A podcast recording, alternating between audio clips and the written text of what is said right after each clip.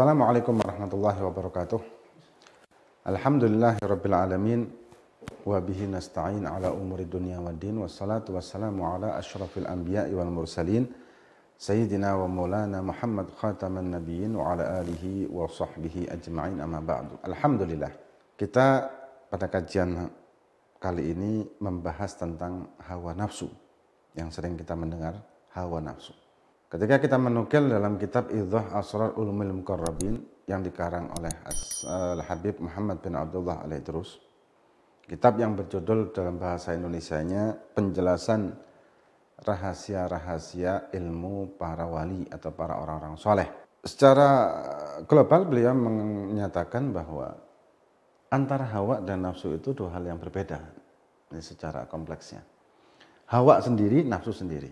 Atau simpelnya, Hawa itu adalah satu makhluk yang ditempatkan oleh Allah Subhanahu wa taala ke dalam jiwa kita. Nafsu itulah jiwa kita. Dan masing-masing mempunyai sifat tersendiri, mempunyai karakter karakter tersendiri, karakter yang berbeda-beda. Dan bisa saling berkaitan dan saling menunjang antara hawa dengan nafsu. Maka dikatakan hawa nafsu. Kalau bahasa simpelnya lagi, Nafsu itu adalah sifat kemanusiaan kita, sifat manusiawi kita, sifat normal kita, sifat manusiawi. Seperti misal syahwat, hasrat untuk melakukan atau memakan atau meminum sesuatu, hasrat untuk minum kopi, hasrat untuk merasakan kenyamanan atau merasakan kebahagiaan dan lain sebagainya. Ini dinamakan syahwat. Ketika syahwat, dan itu adalah merupakan sifat dari nafsu, normal. Dan itu manusiawi. Ketika syahwat mempengaruhi jiwa yang sedang syahwat, ketika hawa mempengaruhi jiwa yang sedang syahwat, maka syahwat itu akan disalurkan melalui hal-hal yang diharamkan. Misalkan dia syahwat ingin melakukan kebahagiaan atau ingin merasakan kenyamanan dalam hidupnya karena dia mungkin uh, tertekan dengan pekerjaan, dengan situasi kerja yang menimbulkan stres yang banyak dan lain sebagainya. Dia ingin hiburan, dia ingin kenyamanan. Itu normal dan itu manusiawi karena itu jiwa. Tapi ketika dipengaruhi oleh hawa nafsu, oleh hawa dalam hal ini, maka dia berusaha mencari ketenangan, kebahagiaan, kenyamanan itu yang menjurus ke haram. Karena sifat utama dari hawa hawa ini adalah selalu berusaha untuk menjauhkan kita dari ridho Allah Subhanahu wa taala satu-satunya makhluk yang diciptakan oleh Allah Subhanahu wa taala dengan menentang adalah hawa. Dalam banyak riwayat ketika kalau kita puasa itu ada banyak sekali para mubalik yang menyatakan hal tersebut dan bisa dilawannya dengan puasa dan lain sebagainya. Jadi hawa ini satu-satunya makhluk yang memang diciptakan memang menentang kepada Allah Subhanahu wa taala. Kenapa pertanyaannya? Kok ada makhluk yang Allah ciptakan dengan menentang dan ditempatkan di setiap manusia dan jin, kecuali para nabi dan rasul. Untuk ujian kelayakan bagi kita. Layakkah kita mendapatkan ridho Allah Subhanahu wa taala? Karena ridho Allah ini sangat-sangat eksklusif, sangat-sangat luar biasa. Ketika orang tersebut mendapatkan keriduan dari Allah Subhanahu wa taala menunjukkan orang tersebut telah lulus dan sukses menghadapi hawanya dia. Karena itu merupakan ujian. Lulus ujian, maka dia mendapatkan hasil. Untuk bisa mengendalikan hawa ini, maka kita perlu mengetahui tentang apa dan bagaimana hawa itu. Dan bagaimana kita bisa memanajemen hati kita. Dan inti dari rukun agama yang ketiga, yaitu rukun ihsan.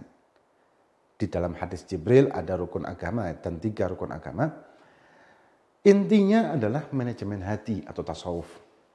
Membersihkan hati, mensucikan hati. Intinya manajemen hati. Kenapa ada manajemen hati tersebut dan penting? Karena untuk memanajemen hati agar supaya hati tidak dikuasai oleh hawa ini tadi. Kalau misalkan hati kita dikuasai oleh hawa, jiwa kita dikuasai oleh hawa, maka akan ada kecenderungan yang 100% kecenderungan untuk menjauh kepada Allah Subhanahu wa dari Allah Subhanahu wa. Misalkan dia melakukan perbuatan maksiat, susah untuk melakukan ibadah dan lain sebagainya. Tapi ketika kita mampu mengendalikan hawa nafsu ini, maka yang muncul adalah iman. Karena di dalam jiwa kita ini berebut, kalau bahasa simpelnya, saling berebut antara iman dan hawa. Ketika kita bisa mengendalikan hawa, bisa menekan hawa, maka imanlah yang berkuasa di hati kita. Dengan catatan, kita punya bekal untuk memunculkan dan memicu iman di dalam jiwa kita dengan ilmu pengetahuan akidah, ilmu pengetahuan syariat, dan lain sebagainya. Tapi ketika kita tidak punya ilmu itu, kita menekan hawa, yang muncul malah hawa yang lain. Jadi ketika kita menekan hawa tanpa adanya ilmu ketaatan kepada Allah, tanpa adanya ilmu tauhid, tanpa adanya ilmu syariatnya Allah, maka yang muncul di hati kita bukan kekosongan. Tapi yang muncul itu justru hawa yang lain dengan bentuk yang berbeda lagi. Karena hawa ini sesuatu yang abstrak. Yang kita tidak bisa menggambarkan dengan gambaran biasa, tapi kita sebetulnya mampu merasakannya dan mampu kita mendengarnya. Bisian di dalam hati kita ini hawa atau bukan, asal kita mempunyai modal ilmu yang pasti, kita akan mampu memilah-milah dan ini adalah bisian hawa, ini bisian iman, takwa dan seterusnya.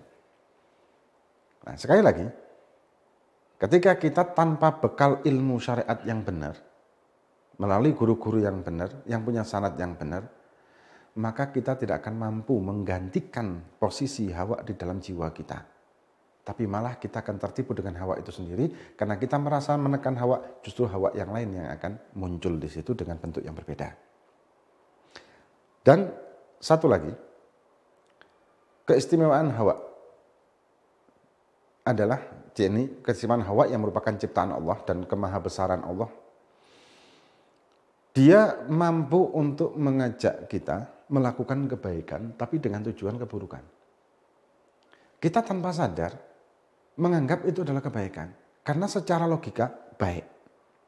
Tapi ternyata awak lah yang bermain di sini. Dan kita tidak menyadari ternyata kita sudah diseret dengan jauh dari Allah Subhanahu wa taala dalam bentuk kedekatan kepada Allah, padahal kita menjauh dari Allah Subhanahu wa taala. Inilah hebatnya hawa. Dan ini semua ciptaan Allah Subhanahu wa taala. Nah, bagaimana kita bisa selamat dari hawa yang sudah kita bahas tadi? Kita perlu tahu ciri-ciri hawa, sifat-sifat hawa dan perlu mengetahui dan mempelajari manajemen hati agar supaya kita tidak tertipu dengan hawa dan perlu juga mengkaji ilmu-ilmu syariat hingga kita bisa menempatkan dan bisa mengisi di dalam hati kita kekosongan ketika hawa tersebut kita bisa tekan. Dengan keimanan dan ketakwaan dan juga di semua itu dilandasi dengan kecintaan kepada Allah dan Rasulnya, maka keimanan dan ketakwaan akan semakin kuat menekan hawa di dalam diri kita. Nah, kemudian tidak ada satupun orang yang bisa bebas dari godaan hawa, tidak ada satupun, tapi banyak yang mampu, terutama para aulia, para wali, yang mampu menekan hawa dan digantikan kekuasaan di dalam jiwa itu dengan keimanan dan cinta kepada Allah dan Nabi Muhammad Shallallahu Alaihi Wasallam.